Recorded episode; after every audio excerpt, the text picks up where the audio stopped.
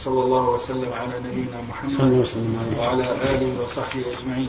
قال البخاري رحمه الله تعالى باب البادق ومن نهى عن كل مسكر من الأشربة. ورأى عمر وأبو عبيدة ومعاذ شرب الطلاء على الثلث وشرب البراء وأبو بكر على النصف. وقال ابن عباس اشرب العصير ما دام طريا. وقال عمر وجدت من عبيد الله ريح شراب وأنا سائل عنه. فإن كان يسكر جلدته. حدثنا محمد بن كثير قال أخبرنا سفيان عن أبي الجويرية قال سألت ابن عباس عن الباذق فقال سبق محمد صلى الله عليه وسلم الباذق فما أسكر فهو حرام. قال الشراب الحلال الطيب. قال ليس بعد الحلال الطيب إلا الحرام الخبيث. حدثنا عبد الله بن أبي شيبة قال حدثنا أبو أسامة قال حدثنا هشام بن عروة عن أبيه عن عائشة رضي الله عنها قالت كان النبي صلى الله عليه وسلم يحب الحلواء والعسل. وش عندك البادق؟ نعم. قال نعم. إي وهو كذلك. إيش يقول؟ قال في المصباح البادق بفتح الدال ما طبخ من عصير العنب. أدنى طبخ فصار شديدا وهو مسكر ويقال هو معرض. انتهى. ها؟ طيب يمكن بفتح أو قول بالباذق ضبطه ابن التين بفتح معجمة ونقل عن الشيخ أبي الحسن يعني القابسي أنه حدث به أنه حدث به بكسر الذال وسئل عن فتحها فقال ما وقفنا عليه؟ قال وذكر أبو عبد الملك أنه الخمر إذا طبخ. وقال ابن التين هو فارسي معرض. وقال الجواليقي أصله باذة وهو الطلاء وهو أن يطبخ العصير حتى يصير مثل طلاء الإبل. وقال ابن قو... ابن حتى يصير إيش؟ حتى يصير مثل طلاء الإبل. نعم. وقال ابن قرقول الباذق المطبوخ من عصير العنب إذا أسكر أو إذا طبخ بعد أن اشتد. وذكر ابن سيدة في المحكم أنه من أسماء الخمر. وأغرب الداودي فقال إنه يشبه الفقاع إلا أنه ربما اشتد وأسكر وكلام وكلام من هو أعرف منه لذلك يخالفه. ويقال للباذق أيضا المثلث إشارة إلى أنه ذهب الإشارة إلى أنه ذهب منه بالطبخ ثلثاه. وكذلك المنصف وهو ما ذهب نصفه. وتسميه العجم ميم ختج. بفتح الميم ميم ختج وسكون التحتانية وضم الموحدة وسكون المعجمة وفتح المثنات وآخره جيم. ومنهم ما يظن أجل اقرأ زين اقرأ حسب الشكل هذا.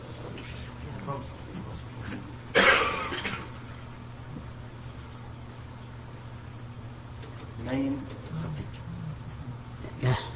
يقول بفتح الميم وفتح المود موحدة سكون موحدة سكون تحتانية.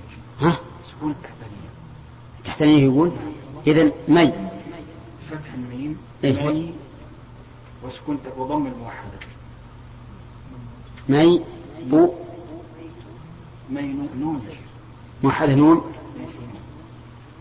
وضم سكون معجمة. مي نخ تج. مي نخ تج. مي نختج نعم. وفتح المثنى مي نخ ها؟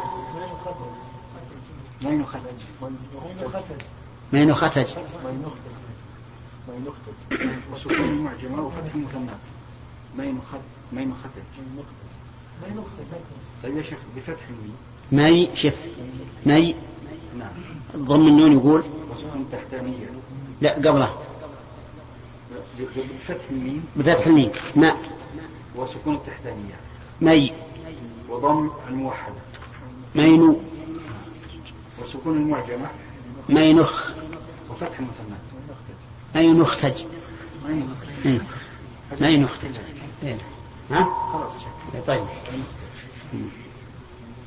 ومنهم من يظن المثنات وروايته في مصنف أبي شيبة بدال بدل المثنات وبحذف الميم والياء من أوله. قوله ومنها الشارع البخاري رحمه الله لم يفصل بحكم البالغ. هل هو حلال أو حرام؟ وهو ما طبخ وذهب منه الثلثان أو الثلث.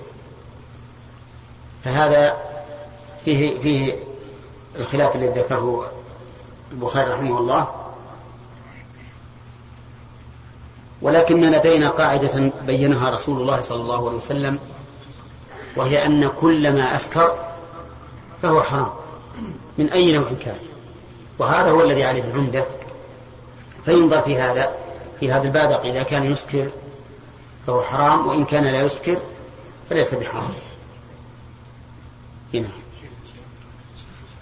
يعني طيب إذا طبخ ما يسكر إذا طبخ ما يسكر. إذا طبخ حتى ذهب ثلثاه أو نصفه ما يسكر. ما يستعمل إلا إذا طبخه إلا إذا شربه طريا بحيث ما ما في مامون أن يكون قد تخمر هذا ما في إشكال. نعم. لا محمد.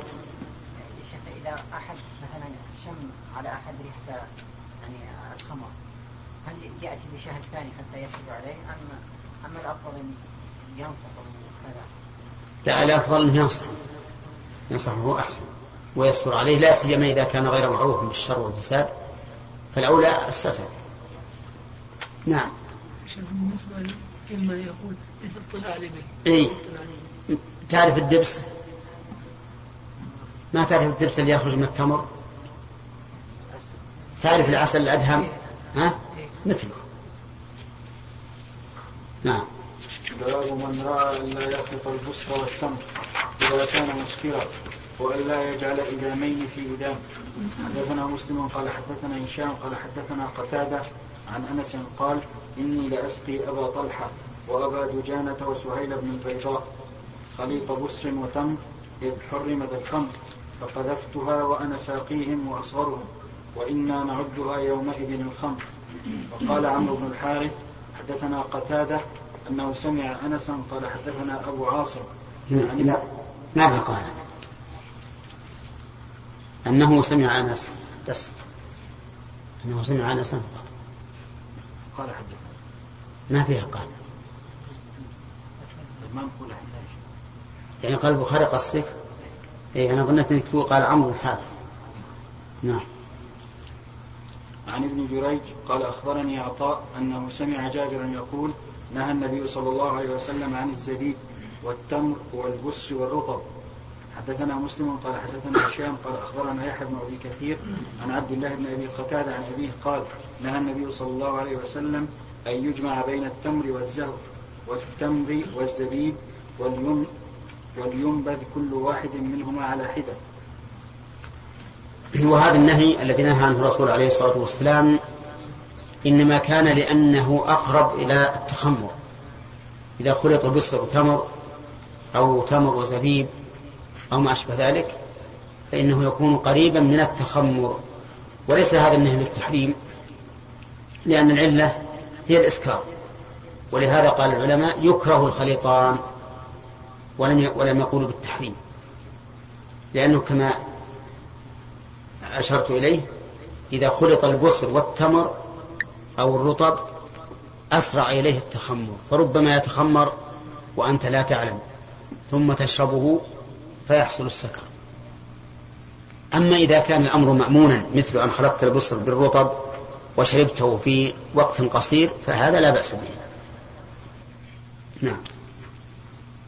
باب شرب اللبن وقول الله تعالى من بين فرث ودم لبنا خالصا سائغا للشاربين. حدثنا عبدان قال أخبرنا عبد الله قال أخبرنا يونس عن الزهري عن سعيد. ما الذي جاء في شرب اللبن إلى هذا الباب؟ لأن الكتاب كتاب الأشربة. هنا عن سعيد بن المسيب عن أبي هريرة رضي الله عنه قال أتي رسول الله صلى الله عليه وسلم ليلة اسري به بقدح لبن وقدح خمر. حدثنا الحميدي أنه سمع سفيان. قال أخبرنا سالم أبو النضر أنه سمع عميرة مولى أم الفضل يحدث عن أم الفضل. قالت شك الناس في صيام رسول الله صلى الله عليه وسلم يوم عرفة. فأرسلت إليه بإناء فيه لبن فشرب. فكان سفيان ربما قال شك الناس في صيام رسول الله صلى الله عليه وسلم يوم عرفة. فأرسلت إليه أم الفضل فإذا وقف عليه قال هو عن أم الفضل.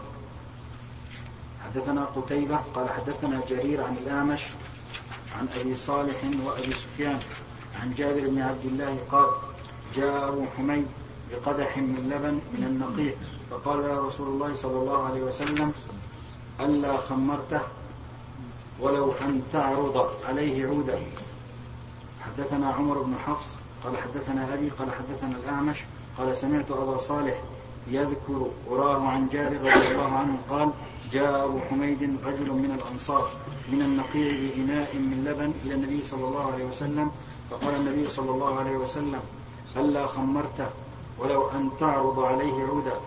وحدثني أبو سفيان عن جابر عن النبي صلى الله عليه وسلم بهذا. هذا باب قال قال المؤلف رحمه الله باب شرب اللبن. وقول الله تعالى من بين فرث ودم لبنا خالصا سائغا للشاربين. هذا بعض الآية التي قال الله فيها وإن لكم في الأنعام لعبرة. تعتبرون بها على على قدرة الله عز وجل وحكمته. نسقيكم مما في بطونه من بين فرث ولبن ودم لبنا خالصا. يخرج من بين هذا وهذا هذا اللبن الخالص السائغ للشاربين. فالدم نجس خبيث والفرث والفرث مستكره مستقذر ومع ذلك يخرج منها هذا اللبن السائغ الخالص النقي. وهذا دليل على كمال قدرة الله. ونظير ذلك الذي جعل لكم من الشجر الأخضر نارا. فإذا أنتم منه توقدون فهذا الشجر الأخضر رطب بارد يخرج منه نار حارة يابسة والله على كل شيء قدير. وقوله للشاربين أي أن الله سبحانه وتعالى أخرجه ليشربه الناس وينتفعوا به في الشرب. ثم ذكر الأحاديث التي فيها أن الرسول صلى الله عليه وسلم شرب اللبن مرة في ليلة المعراج ومرة في, غير ذلك. وفي حديث أم الفضل دليل على ذكائها رضي الله عنها. فبدل من, من أن تذهب تسأل الرسول صلى الله عليه وسلم أو ترسل إليه من يسأله أرسلت إليه بلبن. معلوم أنه إن كان صائما سيقول إني صائم ولكنه شرب. وفي هذا دليل على أن يوم عرفة ليس ليس وقت محلا للصيام من من الحجاج. لأن الرسول صلى الله عليه وسلم لم يصم. وقد قال الله تعالى لقد كان لكم في رسول الله أسوة حسنة. وإنما شك الناس في صيامه لأنهم يعلمون أنه يحث على صوم يوم عرفة ويقول إنه يكفر السنة التي قبله والتي بعده. وفيه أيضا دليل على أن على بطلان اجتهاد من يجتهد من بعض الناس في يوم عرفة ويصوم. ويقول إنه تعارض قول الرسول صلى الله عليه وسلم وفعله فنقدم القول. نقول هذا خطأ من القول. النبي عليه الصلاة والسلام ما قال يوم عرفة أو سئل يوم عرفة في ذلك المكان وقال يكفر السنة التي قبله والتي بعده.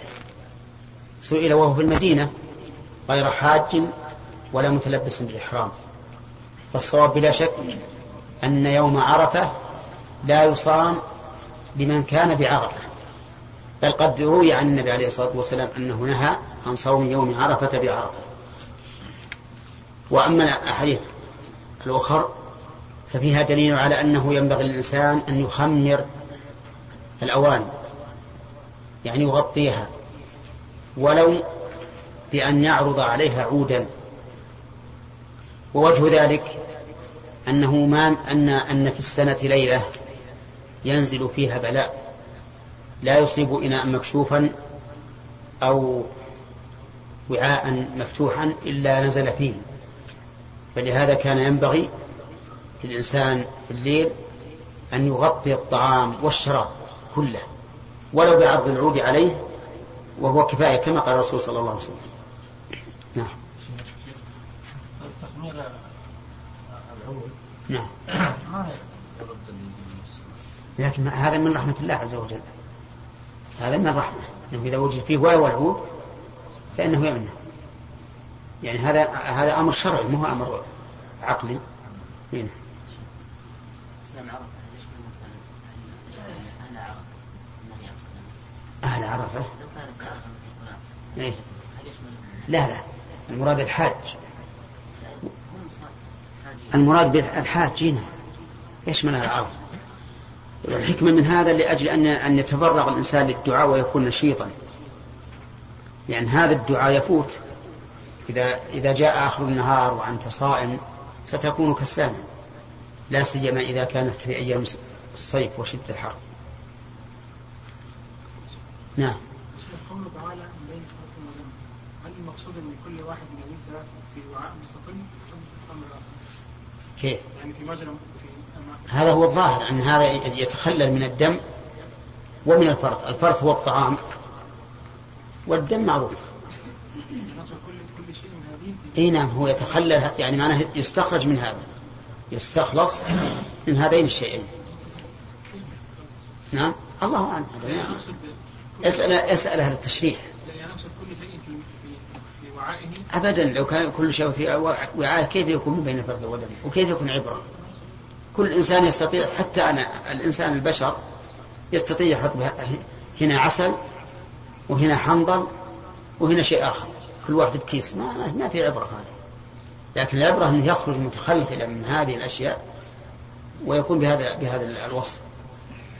لا خلاص محمود. قال أخبرنا النضر قال أخبرنا شعبة عن أبي إسحاق قال سمعت البراء رضي الله عنه قال قدم النبي صلى الله عليه وسلم من مكة وأبو بكر معه. قال أبو بكر مررنا براع وقد عطش رسول الله صلى الله عليه وسلم. قال أبو بكر رضي الله عنه فحلبت كفه من لبن في قدح فشرب حتى رضيت. وأتانا سراقة بن جعشم على فرس فدعا عليه فطلب إليه سراقة أن لا يدعو عليه وأن يرجع ففعل النبي صلى الله عليه وسلم. حدثنا أبو اليمان قال أخبرنا شعيب. هذا هذا فيه آية من آيات من آيات الله عز وجل وحمايته لرسوله صلى الله عليه وسلم. سراقة بن مالك رضي الله عنه كان إذ ذاك غير مسلم حين الهجرة. وكانت قريش قد و... قد أعطت لمن جاء بالنبي صلى الله عليه وسلم وأبي بكر عن كل واحد مئة من الإبل. مئة من الإبل ما هي هينة؟ فأبصر سراقة النبي صلى الله عليه وسلم وأبا بكر ومن معهما فركب فرسه واشتد عدوا في إثرهما حتى بلغ مكانا سمع فيه قراءة النبي صلى الله عليه وسلم. وإذا بفرسه تغوص أقدامها في الأرض. مع أن الأرض كانت صلبة لكن تغوص في الأرض وينهرها ولكنها لا, لا تستطيع. فعرف أن الله تعالى قد انتصر لرسوله فنادى رسول الله صلى الله عليه وسلم بالأمان وقال له يعني إنه سوف يصد الناس عنه. فدعا له الرسول عليه الصلاة والسلام وقامت الفرس خرجت قد آه، رجلها من الأرض وذهب سراقة يقول لكل من لقاه إنكم قد كوفيتم هذا. ارجعوا. شوف الآية والحماية. كان طالبا لهما وصار الآن مدافعا عنهما. وهذه من آيات الله عز وجل. المهم أن أن سراقة يقول هنا طلب إليه أن لا يدعو عليه وأن يرجع ففعل النبي صلى الله عليه وسلم. وفي هذا دليل على تخوف المشركين من دعاء النبي صلى الله عليه وسلم وإيمانهم بأن دعاءه مستجاب. ولهذا طلب أن لا يدعو عليه ففعل. وفيه فضيلة أبي بكر رضي الله عنه بخدمة النبي صلى الله عليه وسلم. وفيه جواز شرب اللبن من الماشية إذا لم يكن حولها أحد. ولكن يشرب فقط ما يدخر. كمن مر بثمر البستان وليس حوله أحد فله أن يأكل بدون أن يحلم. نعم. حدثنا أبو اليمان قال أخبرنا شعيب قال حدثنا أبو الزناد عن عبد الرحمن عن أبي هريرة رضي الله عنه أن رسول الله صلى الله عليه وسلم قال نعم الصدقة اللقحة الصفي منحة والشاة الصفي منحة تغدو بإناء وتروح بآخر. حدثنا أبو عاصم عن الأوزاعي عن ابن شهاب عن عبيد الله بن عبد الله عن ابن عباس رضي الله عنهما أن رسول الله صلى الله عليه وسلم شرب لبنا فمضمض وقال إن له دسمة. وقال إبراهيم بن طهمان عن شعبة عن قتادة عن أنس بن مالك قال هذا فيه أيضا دليل على أنه ينبغي لمن شرب اللبن أن يتمضمض. لينظف فمه من الدسم ويلحق به كل كل طعام أو شراب فيه دسم فإنه ينبغي للإنسان أن يتمضمض حتى يزول ما في فمه من, من هذا الدسم. لأن بقاء الدسم في الفم ربما ينتج عنه روائح كريهة أو أمراض على اللثة أو على اللسان فكان من الحكمة أن يتمضمض الإنسان من أجل هذا الدسم قال أبو بكر حتى رضيت يعني الذي رضى أبو بكر نعم يعني فرح النبي صلى الله عليه وسلم بالسواء ها؟ يعني يعبر عن فرحته بين الرسول إي نعم نعم.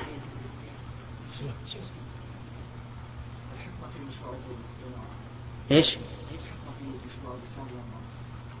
مشروع؟ مشروعيته؟ لأن هذا اليوم يوم يتفضل الله فيه على عباده ويرحم أهل الموقف. فكان من الحكمة أن يشرع لغير أهل الموقف أن يصوموا وصيام يوم عرفة يوم عرفة يكفر السنة التي قبله والتي يعني ها؟ إيه.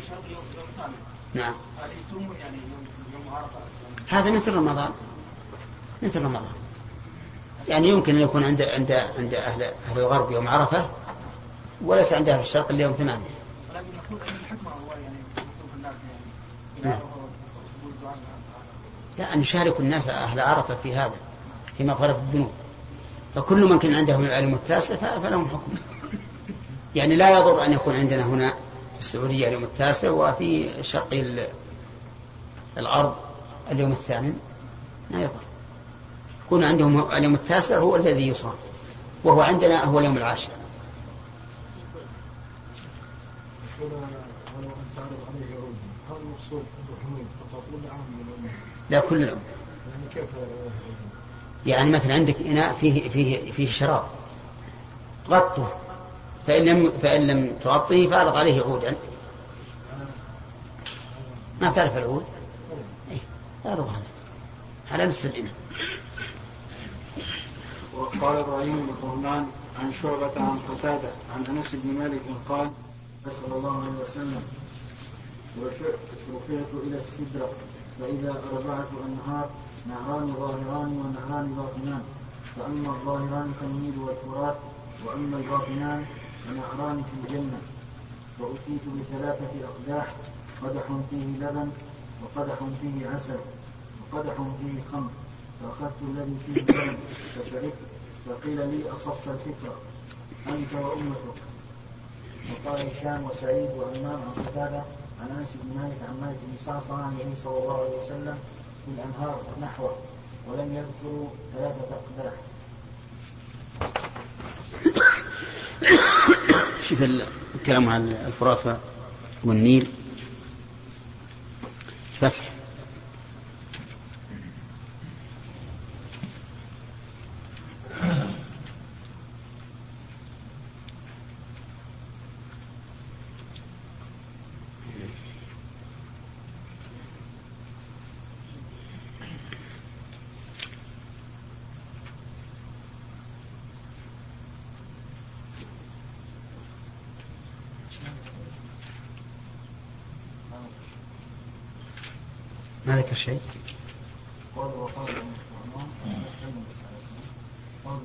سدرة المنتهى مم.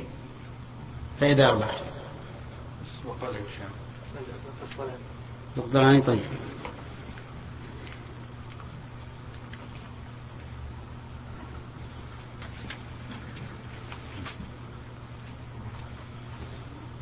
فإذا فإذا أربعة أنهار نهران ظاهران ونهران باطنان فأما النهران الظاهران فهما النيل وهو نهر مصر والفرات بضم الفاء والمثنات الفوقية المجرورة وهو نهر الكوفة وأصله من أطراف إرمينيا وأما النهران الباطنان فنهران في الجنة وهما فيما قاله مقاتل السلسبيل والكوثر والظاهران والظاهر أن النيل والفرات يخرجان من أصلها ثم يسيران حيث أراد الله ثم يخرجان من الأرض ويس- ويسيران فيها وهذا لا يمنعه شرع ولا عقل وهو ظاهر الحديث فوجب المصير إليه. فأتيت طيب. هذا الذي ذكره المؤلف الشارح رحمه الله أن الفرات والنيل نهران من أنهار الجنة حقيقة والله أعلم كيف نزل إلى الأرض. وساح هذا السيح وهذا كما قال المؤلف لا يمنعه عقل ولا شرع. فها هو الحجر الأسود يقال إنه نزل من الجنة وروي في هذا حديث عن الرسول صلى الله عليه وسلم. ولا مانع أن الله تعالى ينزل من الجنة أشياء وتكون بحسب ما يتناسب مع الأرض وإن كان أصلها من الجنة. وقال بعض أهل العلم إن هذا من باب التشبيه يعني أن هذين النهرين في عذوبتهما وصفائهما ونفعهما كأنهار الجنة التي قال الله تعالى فيها أنهار من ماء غير آس وأنهار من لبن لم يتغير طعمه وأنهار من خمر لذة للشاربين وأنهار من عسل مصفى. قالوا ويمنع الحمل على الحقيقة يمنعه أن منبع هذه هذين النهرين معلوم ومعروف.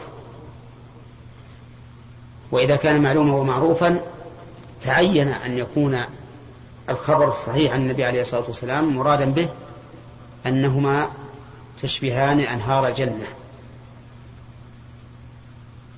فمن نظر إلى الواقع والحس قال يجب أن يكون هذان النهران من أنهار الجنة في الصفاء والعذوبة والنفع. ومن نظر إلى ظاهر الحديث قال إنهما من أه- من أنهار الجنة حقيقة وأن الله سبحانه وتعالى على كل شيء قدير. ولا يلزم أن أن يقال إذا كان من أنهار الجنة فكيف يكونان على صفة أنهار الدنيا لأننا نقول إن الله قادر على أن يجعل طبيعتهما تنطبع. أو تتفق مع طبيعة الأرض. نعم. نعم.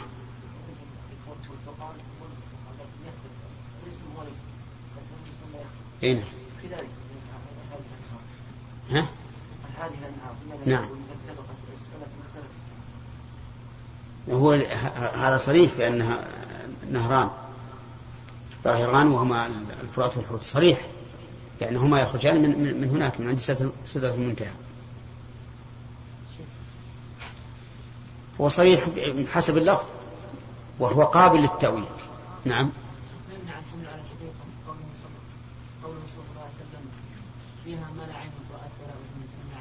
اي نعم. نا- نعم لأن نقول إن حتى لو نزل من هناك فإنه لا بد أن يكون على وجه يناسب الأرض وطبيعتها. على كل حال الأمر فيه متسع. يعني إن شئنا قلنا إنهما يشبهان أنهار الجنة وإن شئنا قلنا إنهما حقيقة لكن جعلهم الله تعالى على صفة مناسبة للأرض. نعم. باب استعجال الماء. حدثنا عبد الله بن مسلمة عن مالك عن إسحاق بن عبد الله أنه سمع أنس بن مالك يقول كان أبو طلحة أكثر أنصاري بالمدينة مالا من نخل وكان أحب مالي إليه بيرحة وكانت مستقبل المسجد وكان رسول الله صلى الله عليه وسلم يدخلها ويشرب من ماء فيها طيب. قال أنس فلما نزلت لن تنالوا البر حتى تنفقوا مما تحبون. قام أبو طلحة فقال يا رسول الله إن الله يقول لن تنالوا البر حتى تنفقوا مما تحبون وإن أحب مالي إلي بيرحل وإنها صدقة لله أرجو برها وذكرها عند الله. فضعها يا رسول الله حيث أراك الله. فقال رسول الله صلى الله عليه وسلم بخ ذلك مال رابح أو رايح شك عبد الله فقد سمعت ما قلت وإني أرى أن تجعلها في الأقربين. فقال أبو طلحة أفعل يا رسول الله. فقسمها أبو طلحة في أقاربه وفي بني عمه. وقال إسماعيل ويحيى ابن يحيى رايح في هذا الحديث دليل على استعذاب الماء لأن الرسول صلى الله عليه وسلم كان يدخلها ويشرب من ماء فيها طيب. واستعذاب الماء لا بأس به لأنه من التمتع بنعم الله سبحانه وتعالى.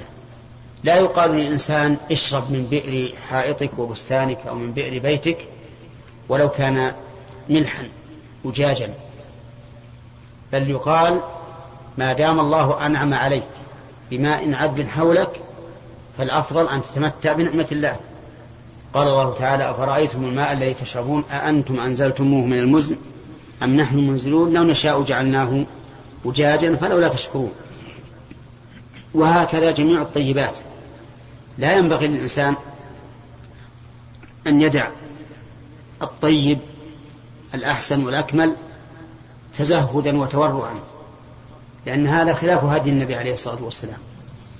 وقد مر علينا حديث بلال وغيره في كونهم يبيعون التمر الرديء ويشترون تمرا جيدا ليأكله الرسول صلى الله عليه وسلم وأقرهم على ذلك. نعم لو فرض أن هناك قضية معينة ينبغي أن يتواضع فيها الإنسان ويأتي بالشيء الدون جبرا لخاطر من لا يجد. فهذا قد يكون فيه فضل من هذه الناحية. وأما أن يكون أن يتعبد الله عز وجل بترك الطيب إلى الوسط أو إلى الردي تزهدا وتورعا فهذا خلاف السنة. نعم هذا مر علينا حديث من قبل وتكلمنا عليه. نعم.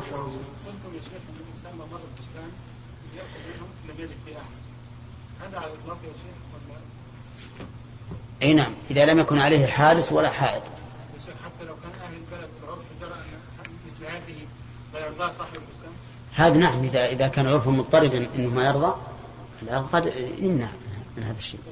مساله أي نعم.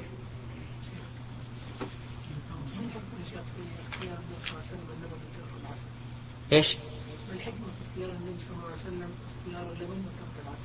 لأنها الفطرة. الفطرة مجبولة على محبة هذا اللبن. واللبن طعام وشراب. العسل ما يكون طعاما وشرابا. وكذلك الخمر لا يكون طعاما وشرابا بخلاف اللبن. نعم. باب أخذنا ثلاثة. نعم. اثنين. طيب.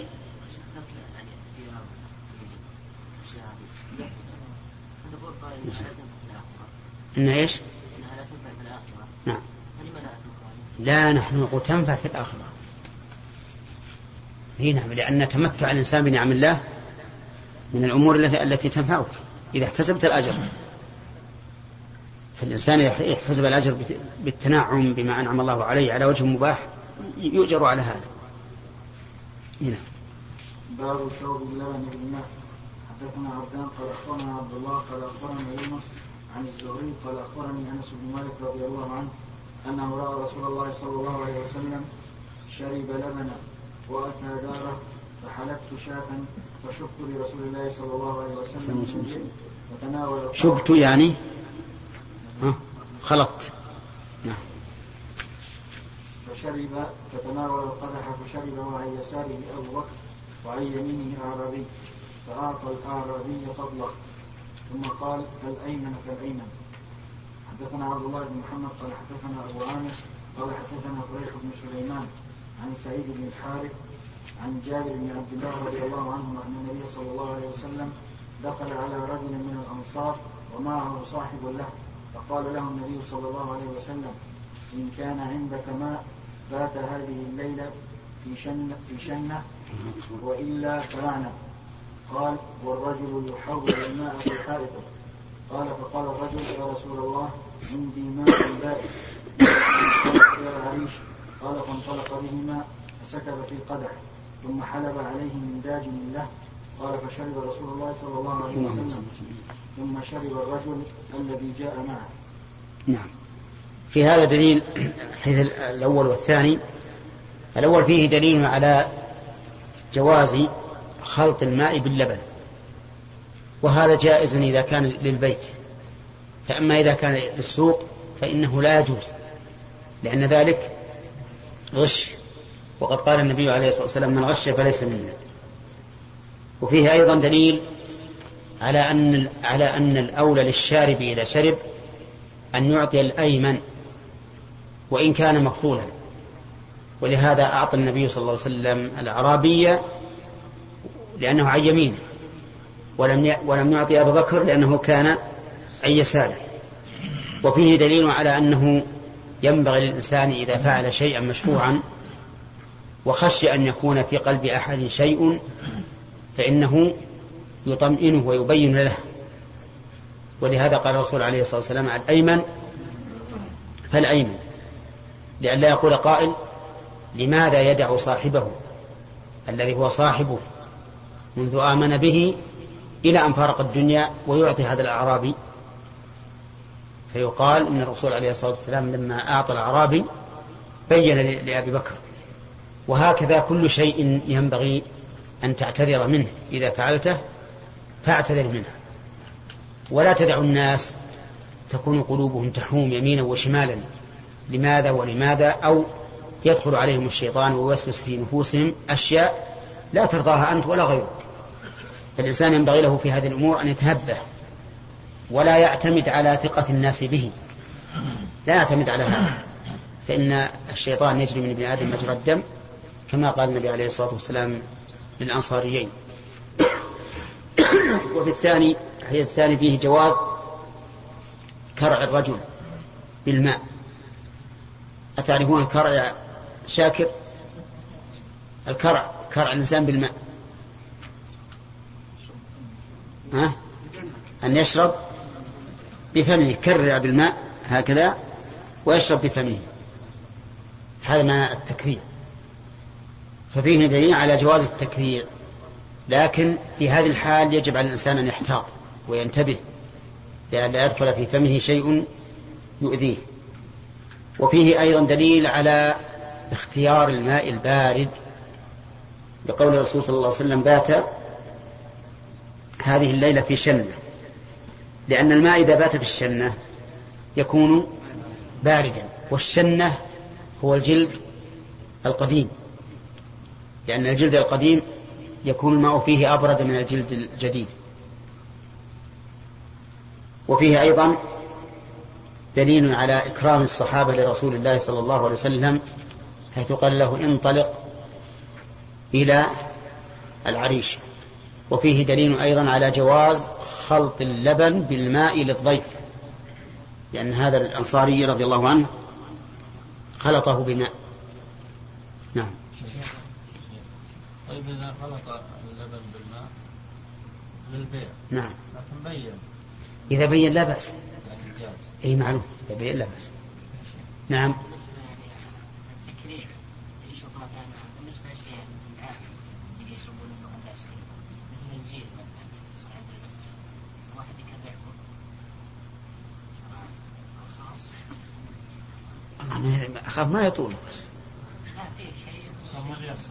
إذا صار مليان يمكن. عام شيء أقول لا بأس به ما في شيء.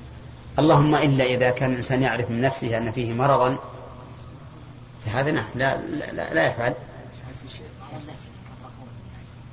إيه نعم. إيه. لا بزبز البراد ما أظن يشرب هنا يضع يده هكذا وخليه يصب. عجيب يشرب من البزوز نفسه. فعله يعني. ها؟ أقول يعني بعض الناس تستقبل هذه. صحيح. وإذا كان إنه يخشى أن يستقبل يتركه. يش- يغرف بيده مثلا.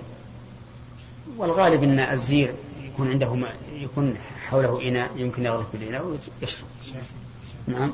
بالنسبة للقهوة إذا واحد يبغى يصب قهوة وفي واحد يكون أفضل منهم يقولوا أفضل هناك ولو كانوا بعيدا هذا. كيف؟ مثلا مجلس مثلا واحد يكون مثلا أفضل من هذا. إذا إذا كان ما فيه يمين ويسار يعني كلهم مثل أمامك. ابدأ بالأكبر. ابدأ بالأكبر إذا صاروا أمامك. لكن واحد عن يمينك وواحد عن يسارك ابدأ باليمين. لا بس يعني إذا يكون صاحب البيت في مسائل يبدأ بالكبير. هنا حتى لو كان في أحد على يمينه إلى صاحب البيت صار صاحب البيت جالس واحد على يمينه وواحد على يساره يبدأ باليمين. لكن صار بيصب لهم غالبا يصب لهم هو واقف. يكون كله أمامه الآن. إي نعم إذا كانوا أمامه يبدأ بالكبير. الرسول صلى الله عليه وسلم لما رأى الرجلين وبيده السواك فأراد أن يعطي أحدهما قال له كبر. ما قال ابدأ باليمين. فيجمع بين النصين بأنه إذا كان هناك إذا كانوا جلوسا أحدهما عن يمينه والثاني عن يساره يبدأ باللي على- يمينه. أما إذا كانوا أمامه فيبدأ بالأكبر. كذلك قال بعض أهل العلم إذا كان المدعو رئيس القوم فإنه يبدأ به. إذا كان مثلا هو عزم شخصا وجاء أتباعه جاء أتباعه فإنه ليس من من من ليس من الشرع ولا من المروءة أن تعزم أميرا مثلا ويجي الأمير ويقف يجلس في مقدم المجلس ويجي خدمه ثم تبدأ بالخدم لأنهم عن يمينه. هذا خلاف ال- المروءة والرسول صلى الله عليه وسلم كان يبدأ به أولا قبل كل أحد. وكذلك استثنى بعض العلماء ما إذا طلب أحد الشيء فإنه يبدأ به. فلو قال أحد ائت لي بماء وأتيت بماء فابدأ بالطالب. أعط الطالب وهو إن أعطاك إياه فابدأ بالأكبر وإن وإن مده لمن لمن إلى جانبه يبدأ باليمين. نعم. باب باب شراب الحلوى والعسل. وقال الزهري لا يحل شرب بول الناس. بشدة تنزل لأنه رجس. قال الله تعالى أحل لكم الطيبات. وقال ابن مسعود في السكر إن الله لم يجعل شفاءكم فيما حرم عليكم. حدثنا علي بن عبد الله قال حدثنا أبو أسامة قال أخبرني هشام عن أبيه عن عائشة رضي الله عنها قالت كان النبي صلى الله عليه وسلم يعجبه الحلوى والعسل. باب الشرب قائما حدثنا أبو نعيم قال حدثنا مسعر عن عبد الملك بن ميسرة عن النزال قال أتى علي رضي الله عنه على باب الرح- الرحبة فشرب قائما فقال إن ناسا يكره أحدهم أن يشرب وهو قائم وإني رأيت النبي صلى الله عليه وسلم فعل كما رأيتموني فعلت. حدثنا آدم قال حدثنا شعبة قال حدثنا عبد الملك بن ميسرة. قال سمعت النزار بن سب بن سبرة يحدث عن علي رضي الله عنه أنه صلى الظهر ثم قعد في حوائج الناس في رحبة الكوفة حتى حضرت صلاة العصر ثم أتي بماء فشرب وغسل وجهه ويديه وذكر وذكر رأسه. ذكر رأسه ورجليه. ها؟ لا مسكنة وذكر رأسه ورجليه ثم قام فشرب فضله. وهو قائم ثم قال إن ناسا يكرهون الشرب قائما وإن النبي صلى الله عليه وسلم صنع مثل ما صنع. حدثنا أبو نعيم قال حدثنا سفيان عن عاصم الأحول عن الشعبي عن ابن عباس قال شرب النبي صلى الله عليه وسلم قائما من زمزم. في هذا دليل على أنه ينبغي للإمام أن يجلس لحوائج الناس كما فعل علي رضي الله عنه. وأن يكون جلوسه بعد الظهر أو في الوقت المناسب. في الوقت المناسب. إن كان بعد الظهر فبعد الظهر أو بعد المغرب فبعد المغرب أو بعد العشاء فبعد العشاء. وفيه أيضا دليل على أنه ينبغي للإنسان أن يفعل الأفعال التي يظن الناس أنها ممنوع الناس أنها ممنوعة حتى يطمئنوا إليها. فإن علي رضي الله عنه شرب قائما ليراه الناس. ثم أسند هذا الفعل الشرب قائما إلى رسول الله صلى الله عليه وسلم. وفيه دليل على جواز الشرب قائما.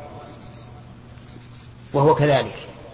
لكن قد ورد النهي عنه فإذا ورد النهي عنه وفعله الرسول عليه الصلاة والسلام علم أن النهي ليس للتحريم ولكنه للتنزيه. ويكون الأفضل أن يشرب أن يشرب الإنسان قاعدا. فإن شرب قائما فلا حرج. ودليله أن الرسول صلى الله عليه وسلم شرب من ماء زمزم قائما. ودليل آخر ما ذكره علي بن أبي طالب أن الرسول صلى الله عليه وسلم شرب قائما. فإن قال قائل أفلا يمكن أن نذهب مذهب الشوكاني رحمه الله؟ في أنه إذا تعارض القول والفعل قدم القول. قلنا بلى نذهب إلى ما ذهب إليه لكن بشرط التعارض. أما إذا